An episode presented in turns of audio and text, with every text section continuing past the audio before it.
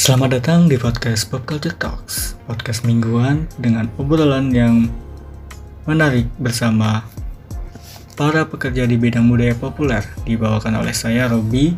Kita akan mengobrol-ngobrol dengan orang-orang yang passionate di bidangnya, talk show dengan topik yang menarik, dan pembicaraan yang intim. Bicara kisah-kisah mereka, serta kisah-kisah di baliknya. So, duduk, pasang headset, dan dengarkan. Um, halo Tuan dan Nyonya, uh, ini, di- ini Robi, dan selamat datang di Pop Culture Talks. Dan sekarang hari ini kita, kawan kita hari ini ada seorang produser film independen yang akan yang akan apa ya menelurkan menayangkan kali ya menayangkan karya film panjangnya yang pertama yang berjudul The Boy with Moving Image ada S nggak sih? Ada, ada. Moving Image fi- orang ini semangat bergeril bergerilyanya lumayan lumayan kuat terakhir gue lihat semangatnya ada di Gunfest Ganesha Film Festival kalau orang biasa kayak gua nonton film. Nonton film aja dia keliling-keliling coy. Dia keliling-keliling nyari nyari apa sih lu di Gunfest dari temen lah Dari temen lah ya. dari temen dari temen. Nyari teman nyari ka- nyari relasi di Gunfest Eh, dan sekarang kita ada bersama Zikri halo. Maulana. Eh, halo halo halo semuanya halo. Gimana sehat Zik sehat sehat terus alhamdulillah. Masih ini masih bergerilya. Masih terus aja deh sampai saat ini. Sampai nggak tahu sampai kapan. Nah, tapi film mau ini kan mau tayang ya? Eh, ren- rencananya kan sebenarnya Maksudnya ke bioskop lah ya? Ah, ke bioskop. Akhir tahun ini sebenarnya rencananya kalau nggak pandemi sebenarnya secara timeline tuh sebenarnya akhir tahun ini udah daftar ke bioskop. Hmm. buat daftar penayangannya biar nunggu tanggal karena karena butuh waktu kan. Hmm. Tapi karena pandemi sekarang lagi coba cari siasat baru lah. Hmm. kebetulan kan dibantu sama ada produser. Ada produser dia tuh sebenarnya salah satu filmmaker juga. Dia di OP namanya Teh Cumit biasa Cumitski. uh, Cumitski biasa nama nama aslinya Anggi Friska. Nah karena itu akhirnya jadi banyak belajar juga sama dia. Ya udah akhirnya kita sama-sama gerilya bareng lah di film The Boy ini kayak gitu. Tapi lu itu tercetus ide untuk gerilya itu awalnya gimana sih? Ala- karena emang memanfaatkan atau menurut kata lu di apa tuh? Di wawancara lo yang di YouTube Hmm. apa sih? Private investor ya? Iya. Private investor atau emang waktu itu lu lagi nonton film gerilya film Hmm. lu tercetus buat bikin uh, skema uh, pendanaan secara, secara gerilya atau gimana? Kalau kalau kalau di The Boy ini sebenarnya based on true story-nya sebenarnya karena karena pengen mencoba aja karena berani dan karena gue nggak kenal Rofi sebenarnya gue tahu Iya. karya-karyanya Rofi gue pas dua baru-baru setahun- ini kan ketemu iya, Rofi. baru-baru ini anjir gue ketemu sama Rofi di seminar bayangin Ah. seminar divisi kata gue jadi orang keren dia lagi nemuterin bara kabut nah dari situ tuh gue akhirnya nontonin tuh karya-karya dia Hmm. kayak ada ada kayak Sweetness Satan lah ada Substitute Woman di Hmm. web seriesnya anjing menarik banget nih. Gue nggak pernah lihat Hmm. film-film. Karena kan gue baru ba- baru berkarya secara film sebagai produser tuh sebenarnya masih baru ba- Hmm. dari 2018 dari Sanu Maling, City, City akhirnya ke mana-mana jadi ngebuat percaya. Hmm. akhirnya ketemu sama Rofi ternyata pas ketemu ada hal yang mungkin apa ya ada hal yang mungkin nggak tahu gimana caranya. Itu tuh kayak tercipta gitu dan dan akhirnya ngebuat ngebuat gue tuh wah anjing nih orang kayaknya menarik banget buat buat sama gue bantu pas itu trak pas itu akhirnya ketemu di rooftop kun gue lagi muterin Siti Madosi ada di beef di beef itu terus akhirnya Rofi nanya lu lagi sibuk apa sekarang kebetulan gue baru beres lasanya Hmm. Lalu si bapak ngobrol-ngobrol lu kita. Pas ngobrol-ngobrol kan gua kira kan ro apa namanya? Gua kira kan anjir ini orang mau ngapain? Mau ngajak mau ngajak ap, mau ngajak apa nih bikin film pendek gitu kan atau karena gua tahu nih pasti ada hal yang pengen dia buat gitu. Tapi gua nggak tahu dia mau buat apa. Ketemulah di ini kedai kopi yang yang apa Stenang Stenang, ketemu di Stenang. Boy nih boy, gua ada film panjang nih skenario dikasih lihat cuma 12 lembar kata gua. Wah anjing apaan ini film, Film panjang 12 lembar, oke. Pokoknya 12 lembar. Pokoknya sekitaran segitulah. Gua gua gak tahu pasti berapa lebarnya. Terus kata gua, "Apaan ini? Lu, lu kenapa memilih gua?" Nih gua bilang gitu, "Lu kenapa memilih gua?"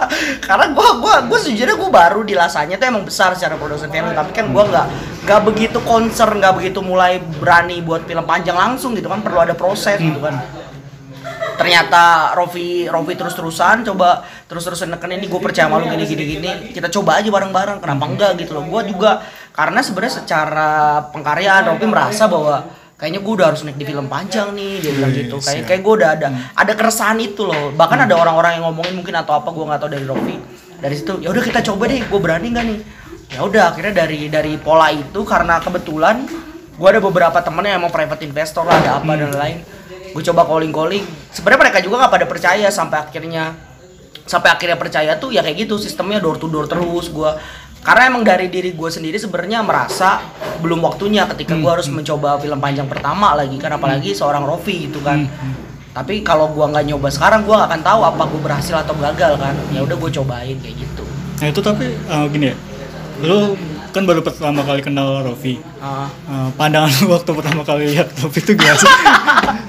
Jadi kayak uh, aneh banget gitu ketika baru pertama kali kenal, berarti baru beberapa bulan atau tahun lalu tiba-tiba dor gitu.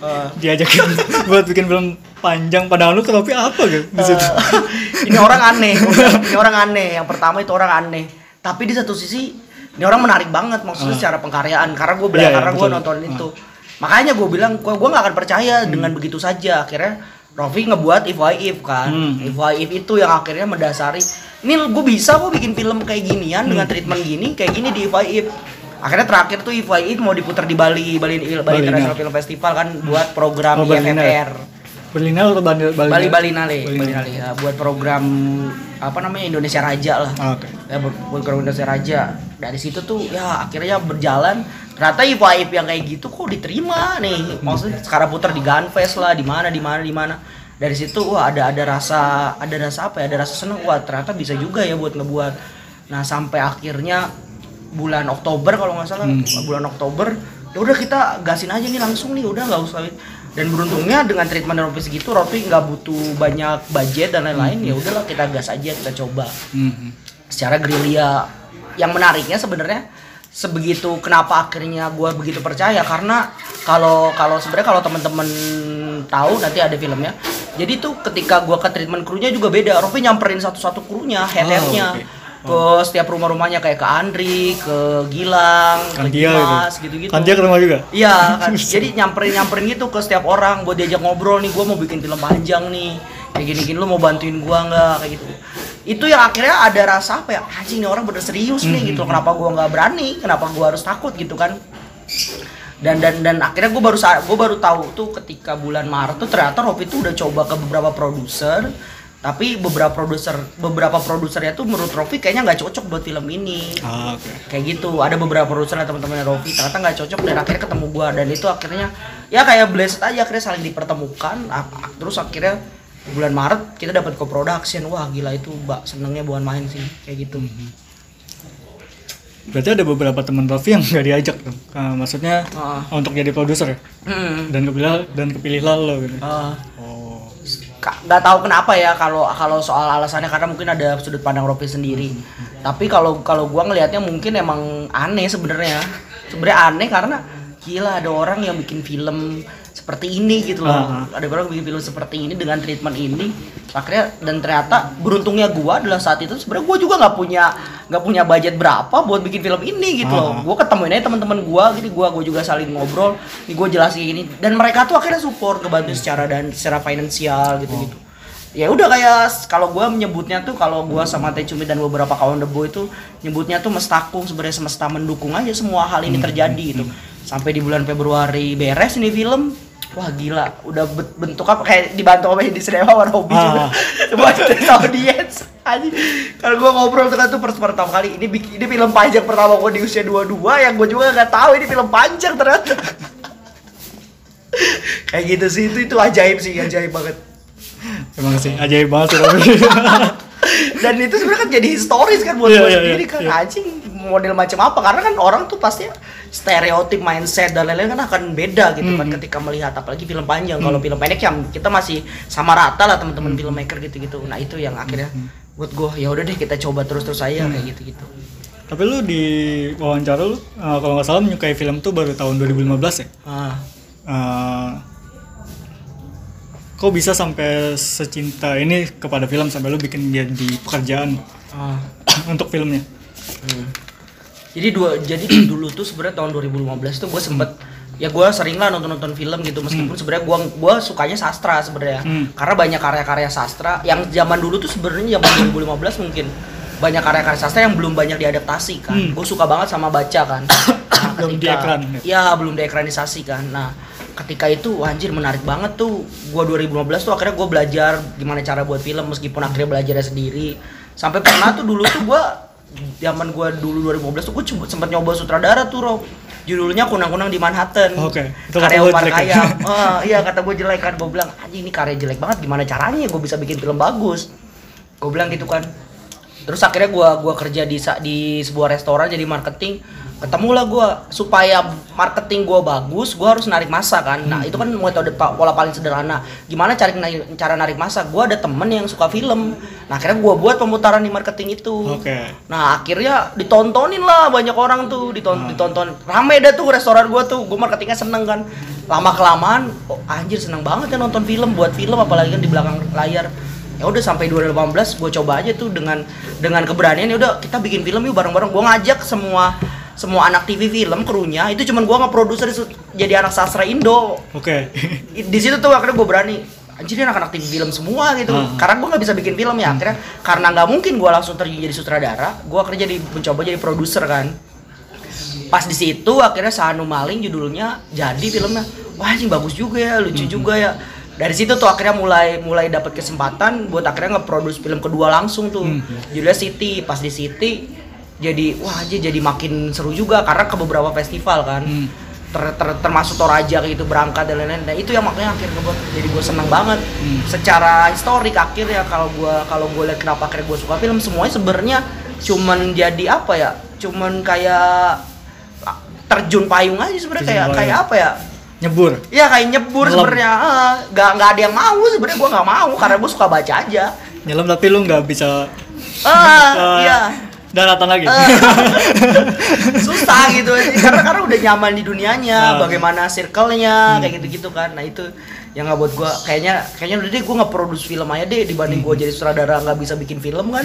Aneh juga kan ya udah deh. Dan dan dan ternyata akhirnya ketika lama kelamaan gua sadar bahwa banyak sebenarnya cerita-cerita yang bagus Hmm. banyak sebenarnya orang-orang yang berbakat Hmm. tapi nggak banyak orang-orang yang berani buat jadi wadah orang-orang yang berbakat dan cerita-cerita bagus iya, itu. betul.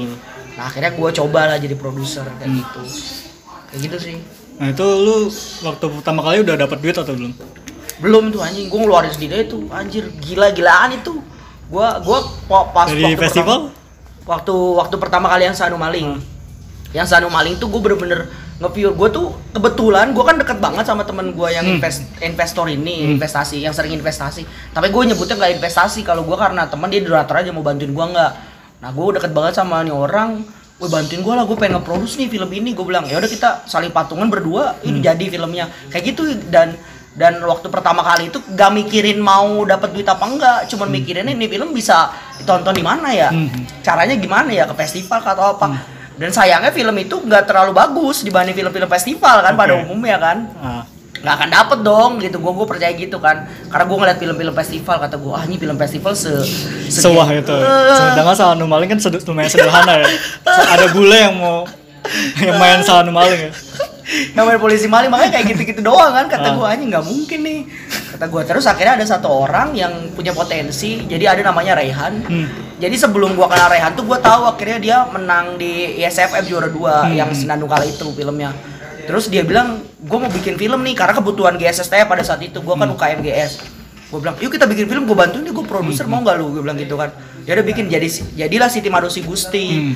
pas di situ akhirnya ke mana-mana wah jadi dapat duit lah apa-apa sampai kekumpul akhirnya beranikan diri buat bikin lagi Kula Picture kayak Oke. gitu. Pelan-pelan jadinya. Angola Pictures itu berarti eh, komunit komunitas eh, kalau di situ lu udah bangunnya Ah, lebih Awalnya? ke awal awalnya sebenarnya pengen PH tuh kan udah ih, biasa anak muda kan boy pengen pengen keren-kerenan Pengen keren-kerenan, ya. lah. Apalagi di Jatinangor itu nggak ada PH kan. Iya, Di Jatinangor kan kalau pas zaman gue itu nggak ada orang lah yang berani pengen bikin PH kayak disclaimer Sepi, gitu. sepi soalnya. Oh, sepi juga kan. jauh dari peradaban ya Jauh ke mana-mana anjir. pengen PH kan ya zaman dulu tuh ya dapatlah beberapa proyek-proyek kecil tapi pas gue lihat karena akhirnya gue gue sebenarnya banyak fokus tuh ke community sebenarnya Hmm. banyak fokus ke orang-orang yang pem- pemutaran gitu-gitu dulu tuh gue sering banget hampir setiap minggu tuh gue ngebuat pemutaran di Jatinangor Wow. karena gua nggak ada gimana bayangin lu bukan anak film terus lu sok-sokan bikin pemutaran gitu kan ah. nah, akhirnya gua ngegait lagi Kula Picture itu akhirnya gua coba gue bikin sendiri juga tuh namanya film komunitas film Jatinangor. Dulu tuh sebenarnya udah ada rumah film Jatinangor si Gary dan Derry dan kawan-kawan. Cuman kan nggak pada aktif lagi. Yang sekarang kan orang-orangnya juga udah pada ada gap generasi lah. Orang-orangnya juga pada baru-baru lagi kan.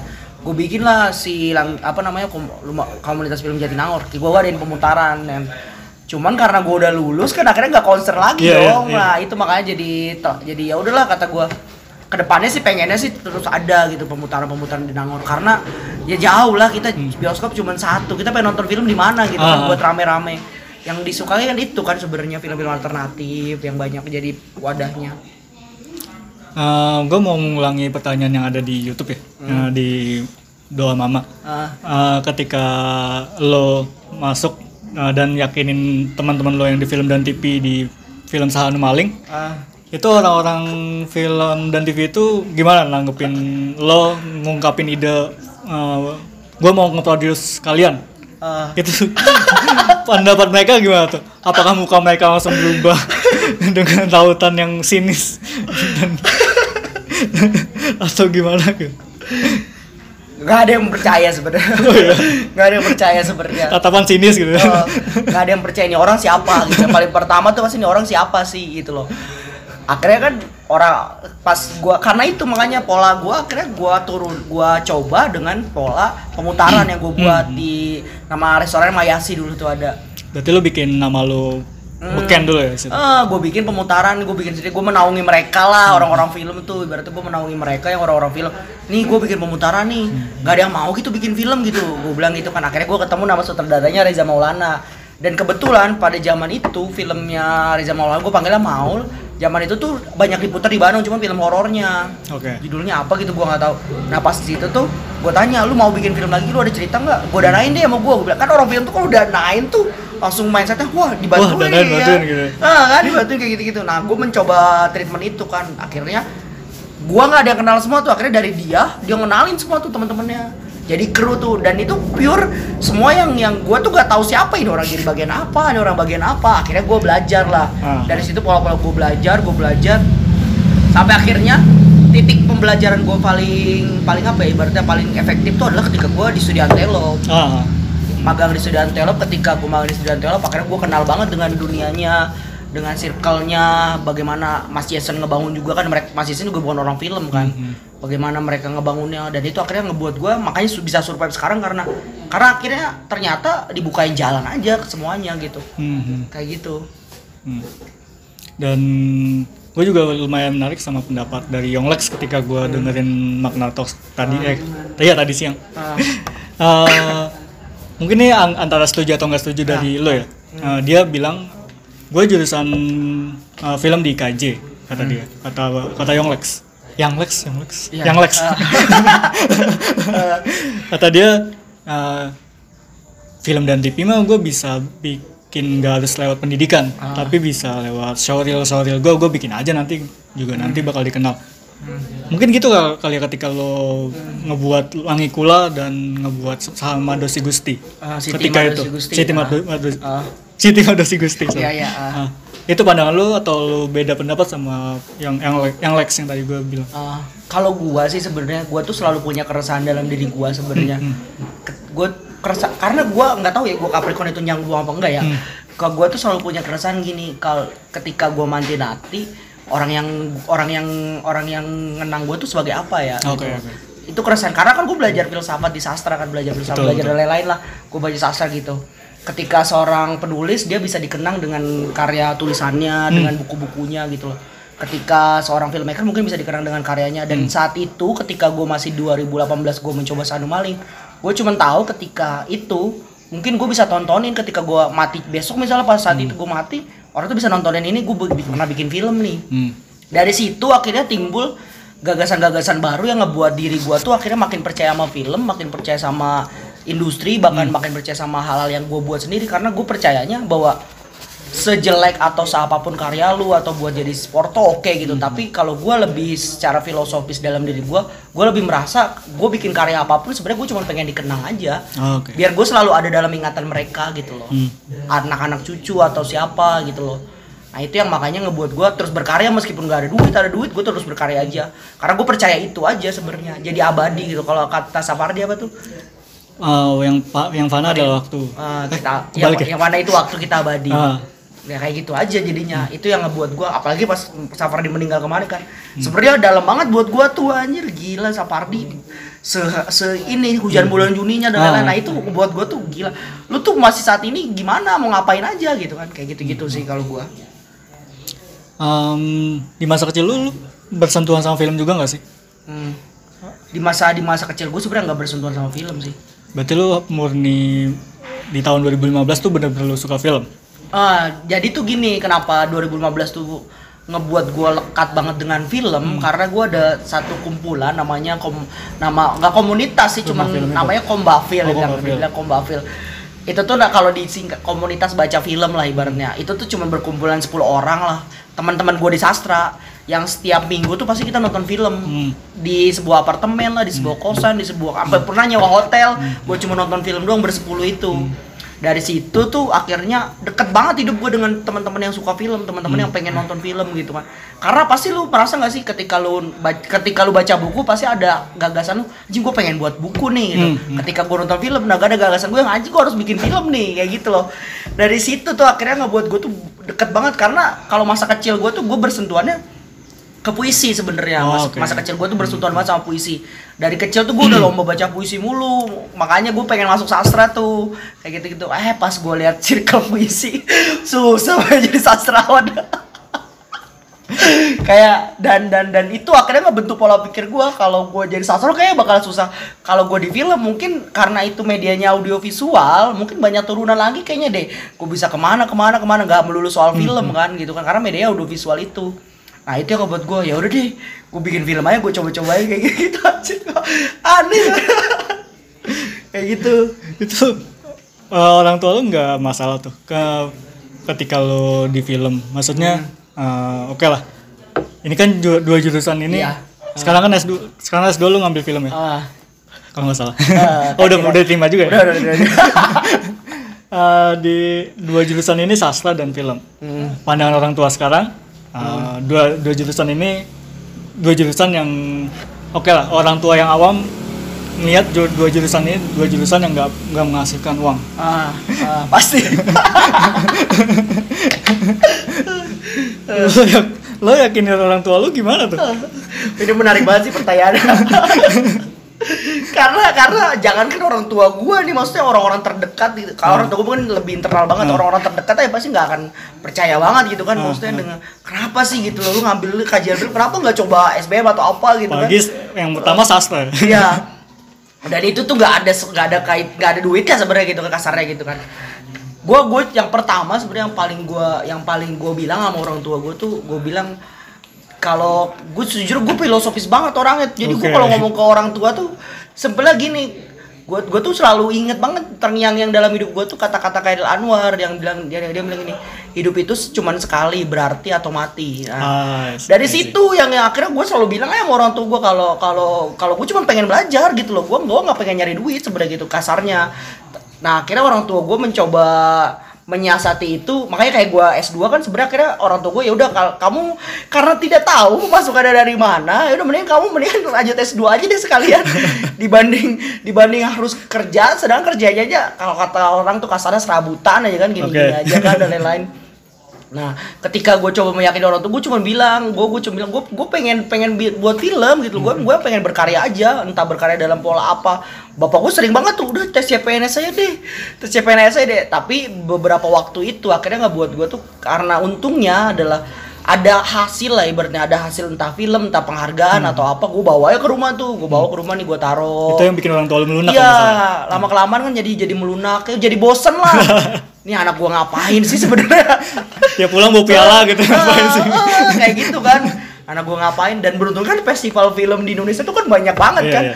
Mau itu dari strata apa dari kalau kalau ada sebuah bentuk fisik tuh orang tua tuh nggak entah siapa pun itu kayaknya merasa oh ya udah deh gitu aja pasti udah nyerah sendiri juga lebih ke itu berarti lebih ke lebih ke menyatakannya lebih lebih ke mempercayai ya udah gue ngasih bentuk fisik apa apa gitu atau misalnya karena sering ada festival-festival yang gak ada bentuk fisik terus tiba-tiba cuma ada tulisan dong gua gua gua kirim fotonya ke orang tua gua. Nih gue dapat di sini nih. Meskipun itu juga gue cuma bagian dari karya itu seberapa gitu kan tapi itulah yang akhirnya ngebentuk pola pikir orang tua gua. Setidaknya anak gua tuh bisa bisa berprestasi lah atau apa kayak gitu-gitu aja jadinya anjir. Malah nggak juga Tapi yang pedes omongan tetangga Ah, biasanya. pasti pasti. Pasti ya orang kerja apaan gitu. ya nggak tahu juga kan karena kan industri kayak gini kan serba nggak kelihatan gue Iya, iya. kita cuma tidur tiduran aja sebenarnya udah bisa menghasilkan duit kan Ah, asli gitu ah. kan Hmm. itu itu yang makanya ini Jadi seniman apa gitu. Hmm, itu sih yang pokoknya selalu diomongin sama tetangga tuh Tapi di kehidupan lu apa yang menginfluence lu bener-bener di film tuh Antelope bukan sih? Itu kan di tahun 2018 ya. Hmm. Dan sebenarnya lu udah masuk di tahun 2015. Antelope tuh bener-bener nge-influence besar lu nggak sih? wah jelas sih kalau kalau antelope ya jelas Hmm. banget influence influence mungkin itu kalinya akhirnya ngebuat gue ada ada cerita menarik sebenarnya Hmm. kenapa akhirnya antelope tuh begitu nge-influence gue jadi gue pernah datang ke sebuah festival yang gue Hmm. nggak bisa sebutin namanya lah karena nggak enak ada datang ke sebuah festival Jogja? di Jakarta Oh, Jakarta. Jakarta datang ke sebuah festival pernah satu satu waktu gue nggak masuk antelope gue pengen berkenalan dengan orang-orang yang Hmm. yang ngerti banget dengan film ngerti banget dengan dunianya. Gue kenalan gue dari sastra gue pengen nanya-nanya dong atau apa saling sharing-sharing ngobrol-ngobrol gitu. Tiba-tiba orang itu tuh tuh tuh oh oke oke bentar ya bentar. Izin ke toilet tuh pasti itu. Ntar aku izin ke toilet dulu. Tiba-tiba udah ngobrol sama orang lain. Padahal itu yang ya. eh, padahal alasan aja kan. Pasti selalu banyak di festival-festival film apalagi di Indo. Gua nggak tahu gua nggak tahu gimana. Terus 2018 di bulan Agustus sampai Oktober itu gua gua gua gua gua magang di Antelope kan. Gua diujini sama Mas Jason sama Flo sama Kak Flo buat ya udah main ke festival film lah gitu kan.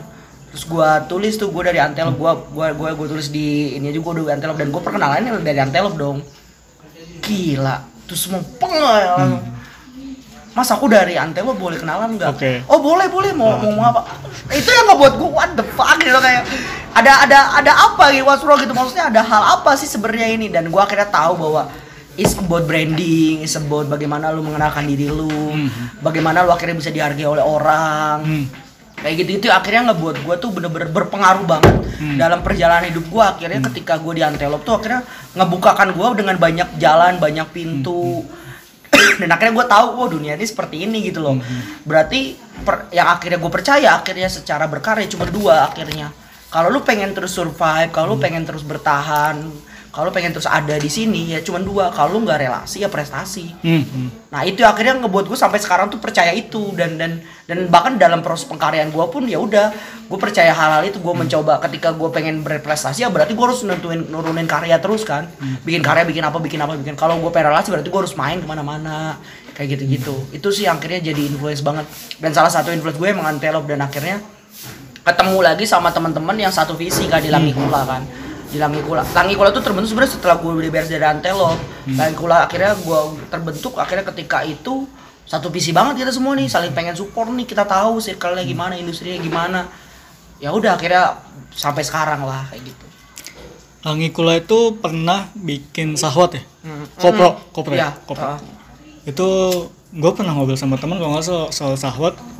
eh, kalau nggak salah sahwat tuh pernah di di judge eh, soal jeleknya iya ah, di Unpad. ah, Maksudnya ketika penayangan di sana di Jatinangor. iya Eh, itu tuh ngeliat film sahwat gimana sih waktu itu awalnya? Ke- Hmm. Padahal kalau nggak salah itu dana besar tapi lo ah, gue gue gue terngiang yang katanya kalau nggak salah uh, yang ngelitik tuh kayak gini Uh, lo film bikin film mahal-mahal tapi hasil lo kayak gini hmm. iya iya bukan sih korek kalau misalnya Iya, itu di oh di sana Jatinangor ya? Eh, Jatinangor itu lo ngeliat lo kan berarti udah pandang produser kan ketika Ah. ketika di Langikula Uh, dan melihat film itu hmm. lo melihat film pesawat tuh kayak gimana sih awalnya sebenarnya Hmm, sebenarnya lang- di sa- sawah tuh gue udah setengah jalan sebenarnya. Iya. Sa- se- sebelumnya ada produsernya satu lagi yang Reza Maulana namanya. Nah ketika itu dia butuh bantuan secara pendanaan lah, secara apa, butuh bantuan. Akhirnya gue masuk as a producer di Langikula Picture. Nah gue masuk nih gue udah associate, akhirnya gue produser di sana. Itu udah setengah udah setengah jalan banget dan dan itu juga adalah blessed banget gua rasa ketika gua bikin film. Gak tau kenapa ya ketika gua bikin film tuh beruntungnya adalah banyak orang yang support banyak orang yang dukung itu tuh dibantuin sama kenapa akhirnya pendanaan itu jadi besar karena dibantuin langsung dari dekan Vicomnya Oh, Oke. itu yang makanya gila banget kan gue udah udah gue gue nggak habis pikir juga kenapa bisa terbuka dan itu mungkin hanya satu film dari berapa banyak yang Vicom kan ada TV filmnya juga kan Ah. gak ada yang dibantuin Ah. itu hanya satu film dari berapa banyak sekian film yang mungkin su coba approach ke sana kan coba approach ke dekan itu kan tapi nggak nggak dibantuin dan itu ngebuat gue sebenarnya yang gue sebenarnya anak sastra. Lu bayangin itu kan filmnya sebenarnya film TV film sebenarnya. Iya, iya. itu film Vicom kan. Gue gue ngebantuin. Gue pitching aja gue atas sana TV film cuy. Makanya kalau ini gue bikin bilang di sini aja ya. Pas itu tuh gue juga nggak tahu pasti bagaimana akhirnya bentuk ceritanya pengennya sutradara gimana. Karena itu bersoalan dengan kreatif. Hmm. kalau gue bersoalan dengan banyak hal yang berkaitan dengan marketing banyak hal berkaitan dengan produksi gitu dan lain nah ketika ketika ada hal itu yang akhirnya jadi barometer gue adalah meskipun akhirnya film ini kan ini film itu sebenarnya bentuk marketing produk marketing. Yap, yap. Nah dari dari hal-hal itu tuh ketika gue nerima kritikan kayak gitu gue malah seneng karena akhirnya banyak orang aware banyak orang tahu film mana yang bagus atau enggak. Tapi yang paling minimal yang akhirnya gue gua dapetin adalah gue bisa banyak bertemu penonton penonton baru sebenarnya. Di kanal di kanal kan itu pas itu di kanal itu mungkin gue kalau bisa dibilang nggak tahu gimana itu tuh pas saat itu tuh lebih dari 8 lebih dari 50 60 orang yang datang dan gue nggak tahu sebegitu interestnya banget orang-orang. Itu kan ada filmnya Radit juga yang ngeblak Iya, iya, kan. Itu iya. ada film Radit ngeblak gue coba buat pemutaran. Anjing ternyata menarik banget di pasar Jatinangor. Kalau gue secara produser jelas. Ini berarti ada ini berarti film ini menjual gitu kan. Ah. lu nggak kalau secara konteks isinya dan lain-lain itu udah persoalan kreatif dan lain akhirnya gue ngeliat itu ya udah akhirnya dari situ tuh akhirnya gue buat gue belajar juga kalau gue harus bener-bener concern juga di kreatif. Hmm. karena gue belajar produsernya bener-bener otodidak bener-bener Ah. gue nggak tahu cara produser yang gimana belajarnya. Bahkan bahkan ketika gue magang di Antropologi gue creative writer sebenarnya. Oke. Wah, produser. Ada produser namanya Sarcil Sarana dia pada. Itu itu yang anehnya. Makanya ketika gue ketemu sama teman-teman Antelop pun kok lu bisa jadi produser? Ngapain? Kayak gitu sih. Eh, Terus pandangan pandangan penonton itu ketika dikatain jelek itu gi- gimana sih? gue sih gue sih ya kalau gue ya. Kalau gue bener-bener biasa aja kalau saudaranya mungkin insecure ya. Kalau gue bisa biasa aja karena karena gue sadar. Gue sadar bahwa bahwa sebab film itu subjektivitas Yep, sebenarnya. yep. film itu sangat subjektif. Ada kok beberapa penonton yang bilang wah ini sinematografinya atau apa bagus dan lain-lain. Kayak gitu. Karena emang production value nya juga besar kan. Gue sadar itu dan ketika dibilang jelek atau apa gue merasa oh berarti dia peduli banget terhadap film ini tinggal tinggal gue tanya tinggal gue nggak mau ngejudge juga tinggal gue tanya gue gue cuma say thank you sih kalau misalnya ada orang yang bilang gitu karena berarti dia melihat karya gue melihat karya teman-teman tinggal belajar dari hal-hal itu tinggal evaluasi sih kalau gue Hmm. Itu uh, beberapa penonton di sana ada yang lu jadi relasi bisnis gak sih? Kan soalnya uh, lo tuh bener-bener yang gue lihat ya. Ah. um, apa sih? Uh, easy, easy going uh, di, di- Iya. di apalagi di festival atau di penayangan ya. Ah, Itu berapa berapa orang yang lu dapat se- sehingga bisa jadi relasi bisnis lu di situ? Gak tahu cuy, jangan gak tahu ya pikiran gue sebagaimana ini ya. Gue tuh like gue itu gue tuh tipikal orang yang ngelihat opportunity banget sebenarnya ya itu. Tipikal orang yang banyak ngelihat peluang ya.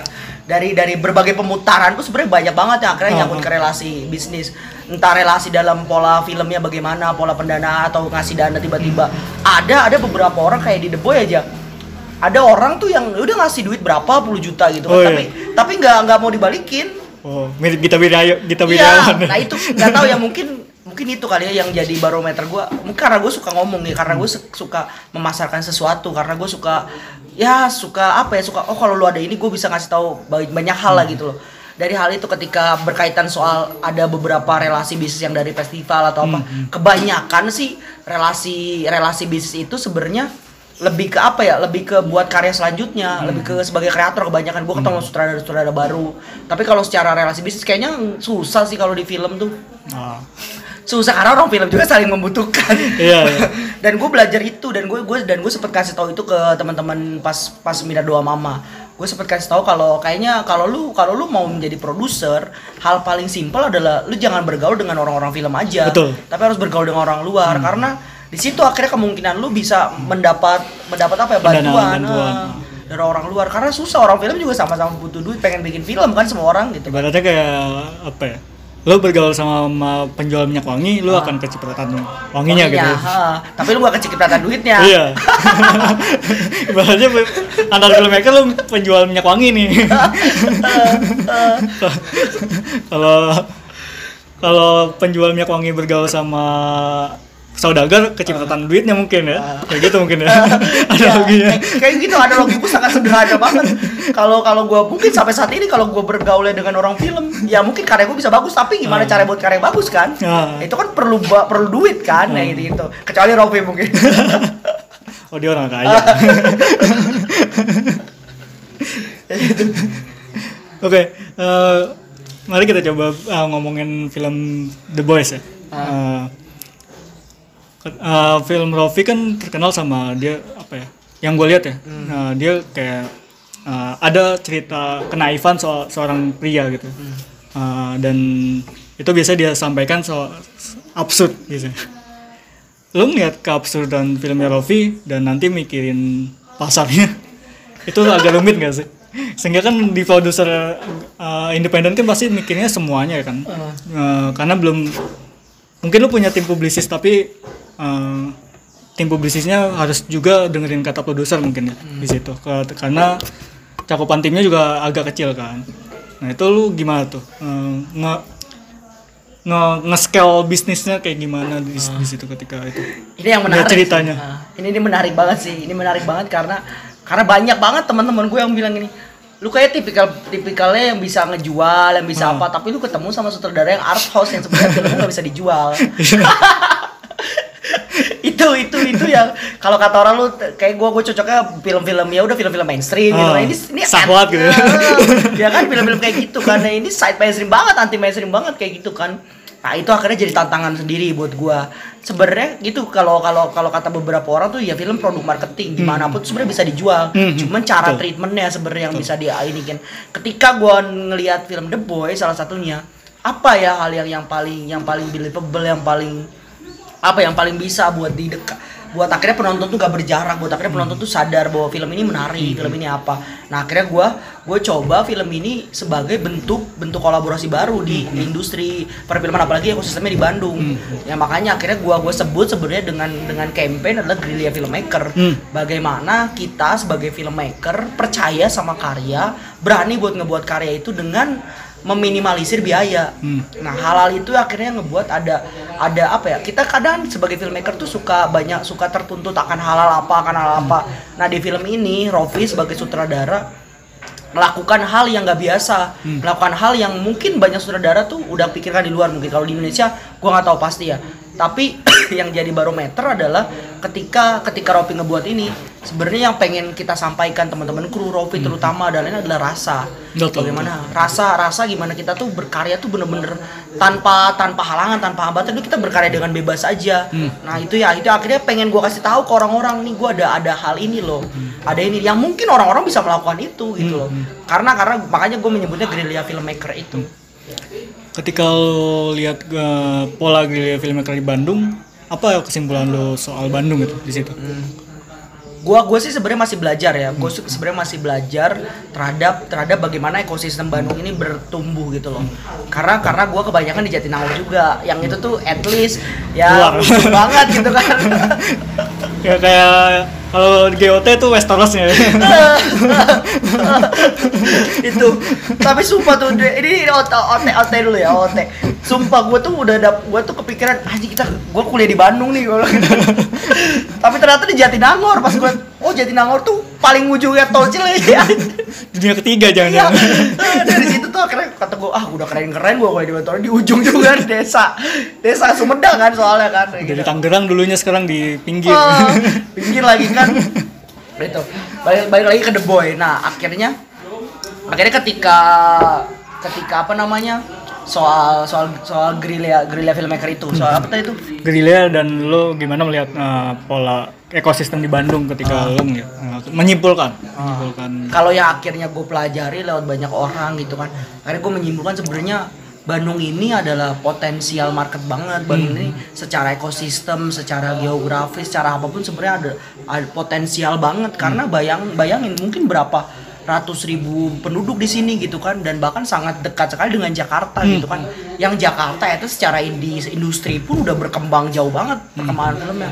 Ketika gua ngeliat Bandung ada potensial itu, ada market itu, yang akhirnya gua gue sebagai produser merasa ekosistem ini adalah ekosistem yang ketika mungkin kita bentuk sekarang, ketika mungkin kita per kita buat sekarang, kita bangun, mungkin akan menjadi ekosistem paling potensial di Indonesia gitu loh. Yang sudah sebenarnya itu sudah banyak dilakukan di Jogja dengan culture-nya yang dibawa sama Mas Iva, di Makassar yang dibawa sama Mas Riri. Kayak gitu-gitu. Di Bandung siapa tuh? Ah, di Bandung banyak lah, di Bandung banyak. Ah, banyak lah di Bandung banyak. Nah, cuman tinggal gimana kita sebagai filmmaker terutama sadar akan ekosistemnya, sadar akan akan apa ya? Sadar akan jejaringnya di Bandungnya jejaring kayak gimana orang-orangnya. Yang yang gue juga sadar bahwa ternyata kita punya lingkaran sendiri-sendiri nih.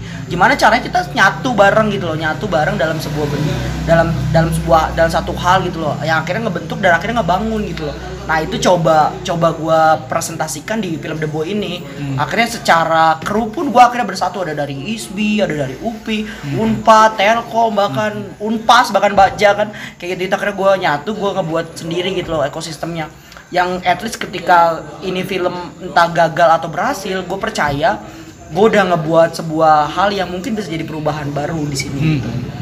Dan secara ekosistem pun akhirnya orang aware bahwa Bandung tuh sebenarnya orang-orangnya pada kreatif banget kok. Secara ge- jelas geografisnya pun nyaman gitu loh. Orang kreatif kan tempatnya situ gitu kan. Nah tinggal gimana caranya orang-orang di Bandung ini kalau menurut gua ya percaya akan daerahnya sendiri. Yang kurang kan itu jangan jauh-jauh gitu. Gua orang Tangsel aja percaya di Bandung ini ada potensial. Kenapa orang-orang Bandung sendiri nggak percayakan itu? Dan dan banyak orang yang akhirnya menyebut apa ya banyak orang akhirnya menyebut ya udah gue mending ke Jakarta ya dia mending pindah di Jakarta mending lari ke Jakarta kalau terus-terusan gitu nggak akan ada yang bisa dibangun di sini sedangkan Jogja tuh mungkin udah 10 langkah di depan dengan Iya, uang iya. panai kayak gitu-gitu kan Saya itu Makassar. Hmm, eh Jo, eh Makassar. Jogja tuh mungkinnya banyak kan dengan Banyak, dengan Four Colors ya dan Masifa kayak gitu-gitu. Itu yang makanya akhirnya dan akhirnya gue gue seneng banget.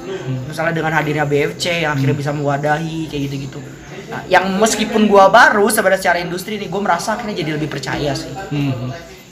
Hmm, ini gue di luar pertanyaan The Iya. Boys ya. Eh, ya, lu kan dari Tangerang ya? Eh, Oke, eh, di Bandung tuh banyak filmmaker yang eh, ibaratnya bukan murni dari kota Bandung, Iya. ibaratnya. Em, biasanya orang-orang orang-orang yang udah tua atau mungkin nanti ada beberapa orang Bandung yang bilang sendiri eh, oh dia mah bukan orang Bandung ngapain berkarir di Bandung Eh, dia orang Tangerang dia orang Depok misalkan Hmm. ini nih gue sering banget ketika dulu awal terjun maksudnya ketika banyak oke gue waktu itu di Ban- di film di Bandung berkomunitas ada clash Iya. di uh, antara satu komunitas dengan komunitas satu. Ah. Di situ uh, ada perdebatan soal uh, geografis. Uh, orang ini bukan orang Bandung tapi berkarir di Bandung. Ngapain sih uh, ngebentuk atau ngebangun filmmaker Bandung? Fokus aja di sehingga kayak ada definisi di uh, apa ya? Sinias Bandung tuh apa sih, Kak? Gitu. Iya. Eh, Menurut lo gimana tuh di situ? Uh, kalau gua sih kalau gua sih kalau melihat itu ya sebenarnya kalau gua kalau gua melihat itu lebih ke pada proses pengkaryaan lu dan bagaimana lu berkaryanya di tempat apa gitu.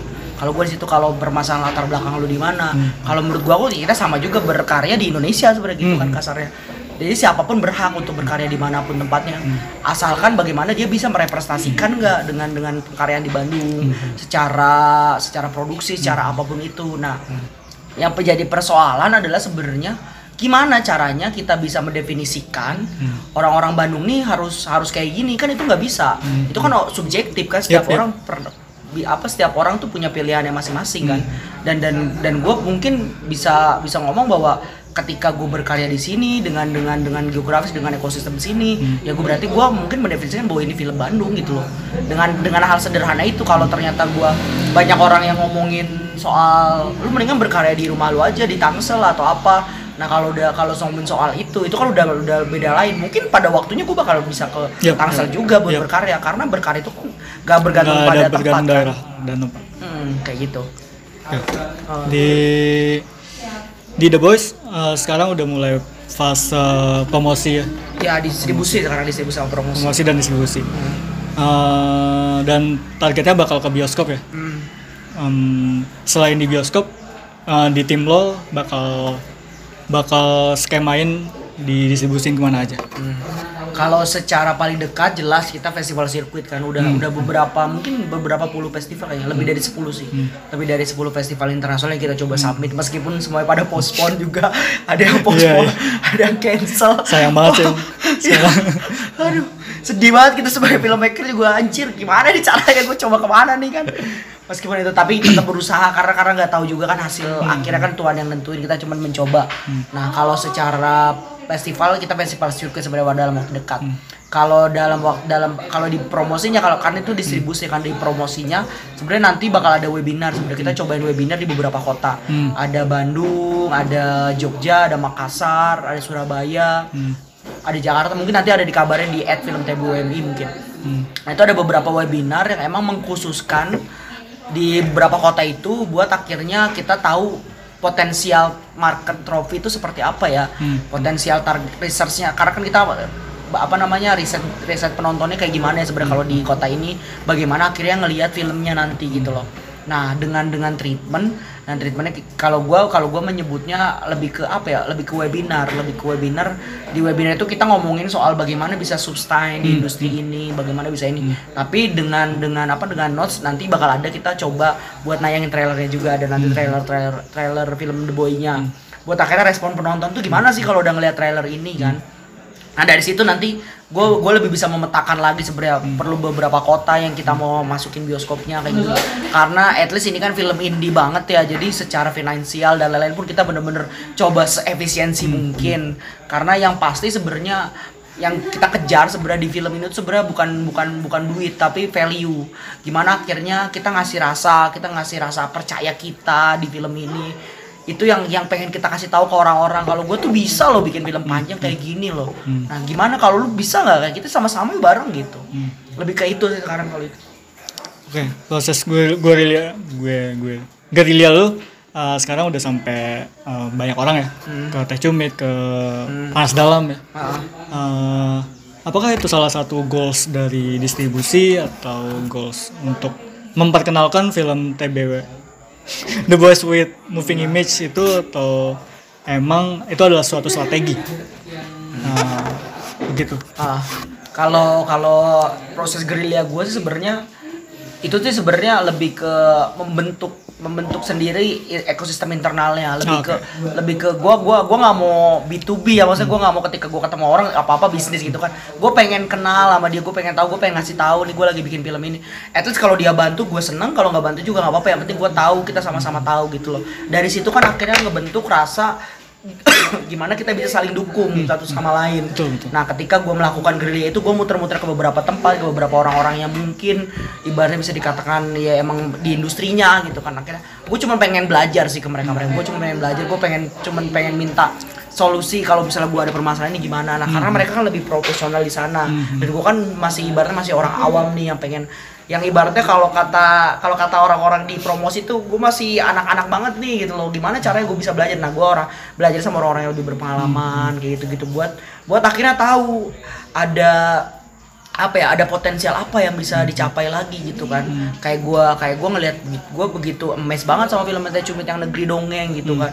Secara distribusi jelas itu sangat-sangat besar gitu kan. Dan akhirnya dapat marketnya juga besar gitu kan begitu juga dengan The Panas Dalam punyanya Vidi Baik meskipun emang bersentuhan dengan komersil kayak gitu. Tapi jelas Dilan itu jadi meskipun kita katakan film itu seperti apa ya secara subjektivitas kan itu kan. Terlalu pop gitu. ya terlalu pop atau apa. Tapi jelas Dilan tuh pemegang rekor film terbanyak Dilan satu dan Dilan dua kan.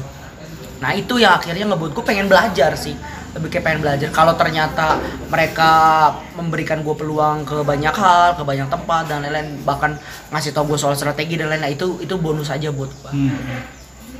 Dan uh, let's talk about uh, apa ya? Kayak uh, di film di film independen tuh ada satu kelemahan. Nah, ini yang gue lihat ya. Hmm. Eh, ketika eh, filmmaker film, punya film, Hmm. mereka hanya ingin tayang, tapi nggak ingin s- hidup. Hmm. Ibarat dalam tanda kutip ekonomi. Iya. Eh, ini gue juga coba nyambuin ke yang YouTube. Eh, lu pernah bilang gak sih yang ketika lu bilang kalau berkarya itu harus lu hidup dulu ekonominya Iya. dibanding eh, karya lu dulu. Jadi eh, ketika hidup lu udah udah bisa hidup, lu bisa hidupin karya lagi kayak gitu. Eh, ibaratnya eh, pola distribusi film tuh nggak harus ditayangin doang, tapi lu harus punya nilai value ekonomi.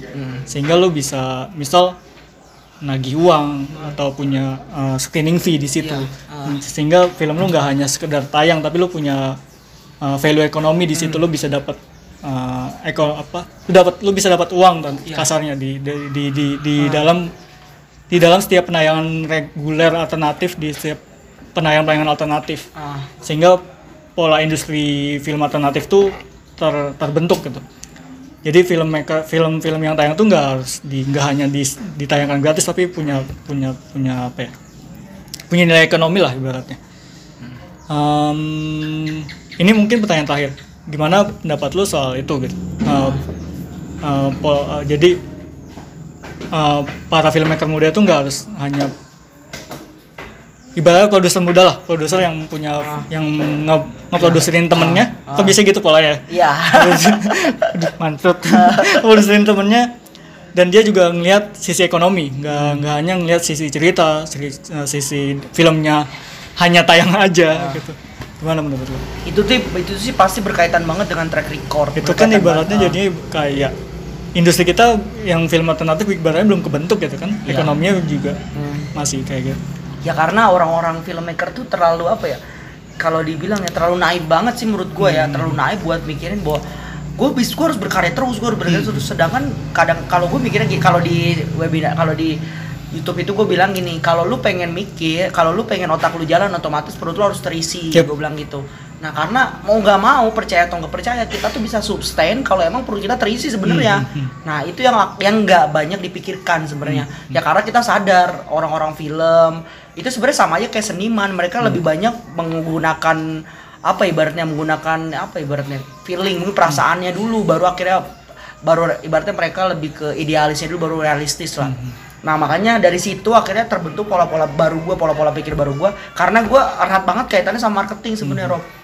Dari erat banget kaitannya marketing, gue akhirnya percaya sadar kalau film pendek apalagi ini turunannya tuh sebenarnya banyak. Yap, yap. Cuman mereka tuh sa- mereka para para, para filmmaker yang Sadar baru-baru nggak ya nggak sadar atau enggaknya tuh mereka sebenarnya banyaknya lebih banyak terfokus sama mainstream side gitu loh orang-orang yang emang kalau gua film pendek gua harus ke festival kalau udah ke festival itu udah habis dalam waktu 2 tahun apalagi sekarang sebenarnya itu kan sebenarnya udah mulai terbuka kan banyak turunan yang mungkin bisa jadi bisa jadi be- punya manfaat buat buat film kit- buat filmmaker sebenarnya Padahal mereka juga eh, sadar nggak sadar, maksudnya ketika ngikutin pola filmmaker yang udah sering ke festival, mereka pun film-film yang festival ini mereka pun ketika ada penayangan alternatif mau nayang film mereka, mereka pun sebenarnya sebagai gue nih, gue penayang film alternatif. ya. Eh, mereka pun sebenarnya eh, minta screening fee, kayak misal sebutlah tak ada yang gila di kota ini. Ah. Terus rasanya, rasanya juga kalau nggak salah dia hitung-hitungan eh, profit juga. Terus Reja Fahri ya, yang dipegang sama kolektif. Eh, apa ya film terakhir gue lupa. Oh, pokoknya itulah. ya Jadi kayak ya itu em, lo harus sadar juga sisi ekonomi, tap- tapi lo juga harus sadar sisi cerita juga kan Iya. kalau di situ. Ah, nah makanya gue sadar kalau misal kalau kalau misalnya halal itu tuh terben harus dibentuk sebenarnya Hmm. harus dibentuk dan harus sudah mulai orang kita sebagai filmmaker tuh aware gitu loh sadar terhadap Hmm. hal itu kalau enggak sebagai filmmaker tuh kadang-kadang banyaknya akhirnya dimanfaatin nggak dihargain Hmm. bikin film tuh susah loh Iya, sebenarnya. betul, betul. bikin film tuh butuh biaya betul. gitu loh dan kalau lu bikin film terus menerus tapi lu nggak dapat penghasilan ya buat apa mending lu jadi kerja di bank aja bikin, beli bikin film ntar tiap dua tahun sekali kayak atau apa gitu susah cuy bikin film terus lu nggak tahu turunannya gimana gimana apalagi kalau lu percaya film lu tuh bagus Hmm. nah itu yang susah Apalagi udah ke- nge-branding di festival. Iya, ah, itu itu yang makanya mungkin mungkin lebih banyak orang-orang udah mulai apa ya kalau menurut gua kalau seba kalau banyak produser yang baru-baru yang muda-muda lebih banyak sih lebih aware terhadap turunannya sih terhadap turunan produknya jangan sampai sebatas festival sebatas YouTube aja sebenarnya banyak banget turunannya kayak terakhir film gua yang ada empat film gua ditayang di Genflix akhirnya kita main revenue fee setiap tahun kayak gitu-gitu dan akhirnya kan polanya terus berjalan Hmm. keuntungan gua terus sehingga berjalan kan. industrinya sehat gitu Ya, sehingga industri sehat dan sehingga filmmakernya juga sehat. Hmm, ah. gitu. sehingga nggak ada kata orang tua kalau film Ah. terjun di film Iya. nggak ada uangnya. Nah, itu itu ya makanya yang makanya jadi barometer kan. Kadang wah banyak banget kan. Bahkan yang ramai itu sebenarnya postingan yang Mas Jason yang na- yang kasih tahu harga sutradara. Bayar yap. fee sutradara berapa itu ramai-ramainya kalau orang tahu ya sebenarnya emang kayak gitu loh. Cuman akhirnya kebanyakan mindset kita apalagi karena kan film pendek tuh bertumpuk banget ya hmm, bertumpuk banget di Indonesia ya. Nah kebanyakan akhirnya karena dianggapnya bikin filmnya murah, gampang, dan film pendek gitu kan. Jadi akhirnya nggak sadar kalau misalnya itu tuh bisa selain festival tuh masih banyak. Salah satunya yang gue sahwat itu bisa pemutaran alternatif. Gue bakal bikin sendiri pemutarannya dan ternyata banyak kok yang mau nonton gitu loh. Tinggal gimana kita bisa kalau gue bilang memonetize-nya, memonetize karyanya. Karena ada banyak karya yang bisa dimonetize lewat festival dulu baru ke bawah. Ada juga kok yang bisa lewat festival, lewat YouTube gitu. Kayak kayak di YouTube. Gue tuh kemarin tuh ada ada filmmaker dia tuh setiap hari tuh buat di YouTube-nya tuh buat film pendek anjir. Tapi gue lupa nama akunnya apa. Dia masuk di itu yang YouTube YouTube apa namanya? YouTube Ghost Talent itu. oh, oh. Hmm. Dan dan ternyata dimonetize cuy. Setiap anggaplah dia bikin film berapa berapa juta misalnya. Yang nonton misalnya anggaplah 500 ribu atau 200 ribu ya udah monetize kan sebenarnya Hmm, kan. hmm. Nah itu yang sebenarnya bisa dan banyak banget pola-polanya. Apalagi sekarang apa namanya OTT itu udah mulai banyak kan. Yap, yap. Itu yang makanya jadi menarik. Berarti di sini em, filmmaker Cinefil Hmm. Oke, filmmaker uh, harus punya tim yang bisa nge-branding, nge, nge, nge, nge, nge, nge- nge-marketing uh, filmnya, ya kan? Kalau kalau gua lebih lebih Se- Seenggaknya ada tim gitu loh. Ah, ya, iya. nggak sih? ah, bisa juga kayak gitu atau produsernya sadar dulu, produser sadar bahwa hal itu tuh perlu dibentuk dari awal, hal itu perlu dipikirkan. Hmm. Kan banyak orang yang filmnya jadi dulu baru dipikirkan, padahal dari awal tuh udah bisa dipikirkan. kan? Iya, kayak proses pitching nyari Iya. duit, nyari Ah, yang lain. Kayak gitu-gitu. Misalnya pengembalian modal banyak film yang bisa loh dipainin investasi sebenarnya. Tak, nah cuman polanya gimana kayak kayak film dokumenter polanya gimana biar bisa investasinya. Yaitu akhirnya belajar bukan hanya sekedar belajar ngeproduserin film. Kayak kalau lu sekolah film gua nggak tahu ya. Kalau sekolah film jurusan produser gua nggak tahu bagaimana ya caranya. Cuma kan pasti terbentuknya kalau gua lihatnya sebagai orang yang bukan sekolah film, kalau gua ngeliat anak sekolah film banyaknya terbentuknya di sisi teknis. Itu kurangnya sih. Menurut gue. sayang banget kan maksud gua teman gue yang misalnya produser di KJ juga akhirnya turunnya ke lain pro nggak ke produce gitu kan kebanyakan gitu kan nah itu yang menurut gua akhirnya jadi ke mindset ketika kita apa ketika kita yang ya- pengen jadi produser Hmm. bahkan di industrinya ya kita harus yang punya duit Yep. padahal nggak melulu itu sebenarnya Hmm. produser secara di Hollywood pun sebenarnya produser itu yang emang nge-manage itu gitu loh Hmm. bukan emang yang dapat yang punya duitnya karena kita orang-orang India semua nih di sini banyaknya orang-orang India jadi emang dia punya duit emang dia punya produser akhirnya ke bawahnya ke mindsetnya itu padahal enggak anjir itu akhirnya jadi jadi apa ya? itu akhirnya jadi barometer kalau produser tuh harus kaya dulu apa-apa apa-apa padahal nggak perlu bisa semua itu Padahal ada namanya eksekutif producer. Iya, kayak gitu-gitu. Sayangnya itu sih kalau di Indonesia tuh. Jadi melulunya kayak gitu aja ketika ketemu orang, oh lu punya duit berarti nih. Padahal enggak anjir. Eh, Kayak gitu. Oke.